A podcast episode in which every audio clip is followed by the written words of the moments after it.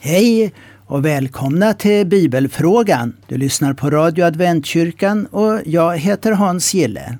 Det står i evangelierna om en förvaltare som hade misskött sig så mycket att han fick sparken.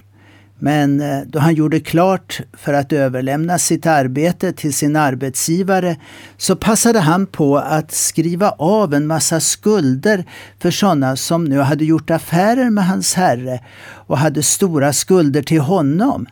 Han fortsatte med andra ord sitt oärliga sätt. Varför talar Jesus gott om honom? Kan vi göra likadant andligt sett? Ja, Berättelsen som nämns här den finns i Lukas 16 kapitel och de 13 första verserna där. Ja, vad betyder nu detta? Låt mig plocka fram ett par saker. I vers 8 så står det och Herren berömde den ohederlige förvaltaren för att han hade handlat klokt. Herren här, frågar man sig, syftar det på förvaltarens herre eller syftar det på Jesus? Bibel 2000 står Herren här med stort H.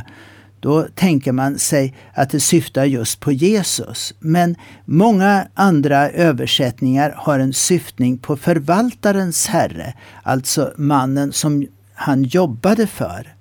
Så det kan vara lite grann osäkert vart syftningen är. Men eh, liknelsens poäng är inte här. För i nästa vers står det Ty den här världens barn handlar klokare mot sitt släkte än ljusets barn. Och det är ju Jesu kommentar. Så menar Jesus att det är okej okay att vara ohederlig? Ja, när vi kommer till vers 10 så förklarar Jesus ju den saken. Vi läser Lukas 16, 10-12. Den som är trogen i smått är trogen också i stort, och den som är ohederlig i smått är ohederlig också i stort. Om ni inte har varit trogna i fråga om den ohederliga mammon, vem vill då anförtro er det som har verkligt värde? Och om ni inte har varit trogna i fråga om andras egendom, vem vill då ge er det som ska tillhöra er? Nej, här finns inget rum för missförstånd. Trohet och hederlighet är det som vår bibel är full av exempel och uppmaningar till. Inte är det ohederligheten Jesus prisar. Låt oss gå tillbaka till vers 8 och den sista delen. Var i låg klokheten? Denna världens människor beter sig klokare mot sina egna än ljusets människor gör. Du ser, klokhet är bra när den används på rätt sätt. Men redan i skapelseberättelsen står det att ormen ju faktiskt var klokare, visare, mer subtil än alla andra. Eftersom det var på ett negativt sätt så översätts det oftast med att han var listigare. Men hans klokhet förde honom helt galet. Hans hjärta var någon helt annanstans, som det står i till exempel Jesaja 14 och 14. Jag ska stiga upp ovan molnen, jag ska bli som den högste. Önskan om att bli som Gud själv? Nja, klokhet är inte tillräckligt. Och det läser vi om i Första Korinterna 3 och 19. Ty denna världens vishet är dårskap i Guds ögon. Det står skrivet, han snärjer de visa i deras slughet. Jämförelsen Jesus gör här i Lukas 16 kapitel är ju den att människor utan Gud kan göra saker som för dem är klokt. Men är det så för Gud? Vad är Guds klokskap? Om du nu fortsätter till vers 9 så får du svaret. Det är lite av en text. Ja, jag säger er, använd den ohederliga mammon till att skaffa er vänner som tar emot er i evighetens hyddor när mammon lämnar er i sticket. Vi tar det igen. Vers 9. Använd den ohederlige mammon vad är detta? våra pengar, våra världsliga ägodelar. Alltså, använd allt vad du har, det goda som du har fått ta hand om och förvalta. Men till vad? Till att skaffa er vänner. Men vilka vänner? Vänner som tar emot er i evighetens hyddor, stod det. Med andra ord, gör gott mot andra. För en del av dessa kommer det att vara början till att upptäcka Guds rike. Du får vänner med dig på vägen till himlen. Vänner du kan vara glad åt när du når målet för vår tro. Och så den sista delen av den versen som säger när mammon lämnar er i sticket. Ja, en dag, förr eller senare, så står vi där precis som vi kom till jorden utan något i oss själva. Vi är inte lovade guld och gröna skogar. Men vi har löfte om att vi kan få sätta in allt på himlens bank. Och räntan där, den är ovärderlig i andra människor. En fråga som gärna kommer upp i samband med Jesu liknelser är hur detaljerat de ska tolkas. Har alla detaljer i en berättelse en symbolisk betydelse? Att till exempel tänka sig att den rike mannen skulle vara Gud fader och vi förvaltaren, det är inte i linje med berättelsens poäng. Nej, den har Jesus redan gett oss. För vi som har tagit emot ljuset från Gud, Jesus och hans frälsning, vi uppmanas var förståndiga när det gäller Guds rike. Var trogna i det lilla. För det andra, använd det du har för att få vänner med dig på vägen till Guds rike. Det är verklig tillfredsställelse varenda kristen. För det tredje, du kan inte leva ett dubbelt liv där du lever för både din egen bekvämlighet och samtidigt helhjärtat för Gud. Du kan inte tjäna två herrar som det står. För det fjärde, våra världsliga tillgångar väger lätt mot Guds eviga värden. Men om du nu går vidare till Lukas 18 så har du i de åtta första verserna en annan liknelse och den handlar om änkan som tjatar och tjatar till sig sin rätt hos domaren. För den där domaren, står det, fruktade inte Gud och brydde sig inte om människorna där.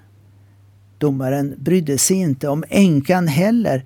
För honom var det kanske en småsak, men för kvinnans överlevnad var det säkert jätteviktigt. Vi får inte veta vad saken gällde, mer än att hon hade rätten på sin sida. Men änkan gav sig inte. Hon kom och tjatade på domaren så att han till sist tröttnade på henne och säger att han ska låta henne få ut vad hon har rätt till. Men varför berättar Jesus den här liknelsen?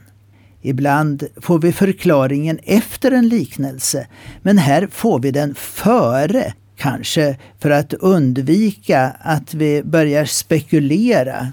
Lukas 18 och 1. Han gav dem en liknelse för att lära dem att alltid be och inte ge upp. Det handlar alltså om bön och uthållighet i bönen. Men är då Gud som den här orättfärdige domaren att det hjälper att stå i och tjata livet ur Gud på något sätt? I vers 6. Och Herren sa, skulle då inte Gud låta sina utvalda få sin rätt när de ropar till honom dag och natt? Skulle han låta dem vänta? Alltså, Gud är inte som den här domaren. Men Jesus uppmanar oss att be och att inte tröttna i vår bön. Han fortsätter, vers 8. Jag säger er, han ska snart nog låta dem få sin rätt. Men Människosonen ska han finna någon tro här på jorden när han kommer. Först säger han att snart nog ska de få sitt bönesvar. Men i nästa mening talar han om den sista tiden när Jesus kommer tillbaka. Är det inte så att allt kommer inte att gå smärtfritt för oss? För vissa slutar det här livet nere på jorden mycket tragiskt. En del miste till och med sina liv för trons skull och gör det fortfarande. Skulle det vara värt detta offer? Ja, är Nya testamentets svar.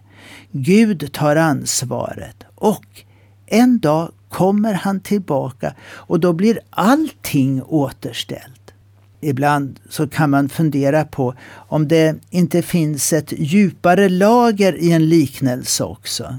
När jag läste den korta liknelsen om surdegen till exempel i Lukas 13, 20 och 21 där Jesus säger Vad ska jag jämföra Guds rike med? Så svarar han själv det är som en surdeg som en kvinna arbetar in i tre mått mjöl. Till slut blir allt sammans syrat. Det uppenbara är att Guds rike sprider sig som gäst, eller här surdegen, och som jäser hela degen. Det finns en inre kraft från Gud. Men så detaljen om dessa tre mått mjöl då? Ja, tre mått, det är faktiskt hela 22 liter mjöl. Vi skulle kalla det ett rejält storbak. För till 22 liter mjöl behövs väl minst 9 liter vatten. En deg på 25-30 liter, ja det är en stor familj. Men eh, i texten finns en hänvisning till Första Mosebok 18 och 6. Den hade jag inte sett förut. Den handlar om två män som visar sig vara Guds änglar på besök hos Abraham och Sara. Och brödet Sara bakar åt männen på besök är också på, ja just det, tre skeppor mjöl, alltså lika mycket. Redan Abraham hörde till Guds rike. Guds rike är ett himlabesök. Jesus är sonen som kom från Fadern.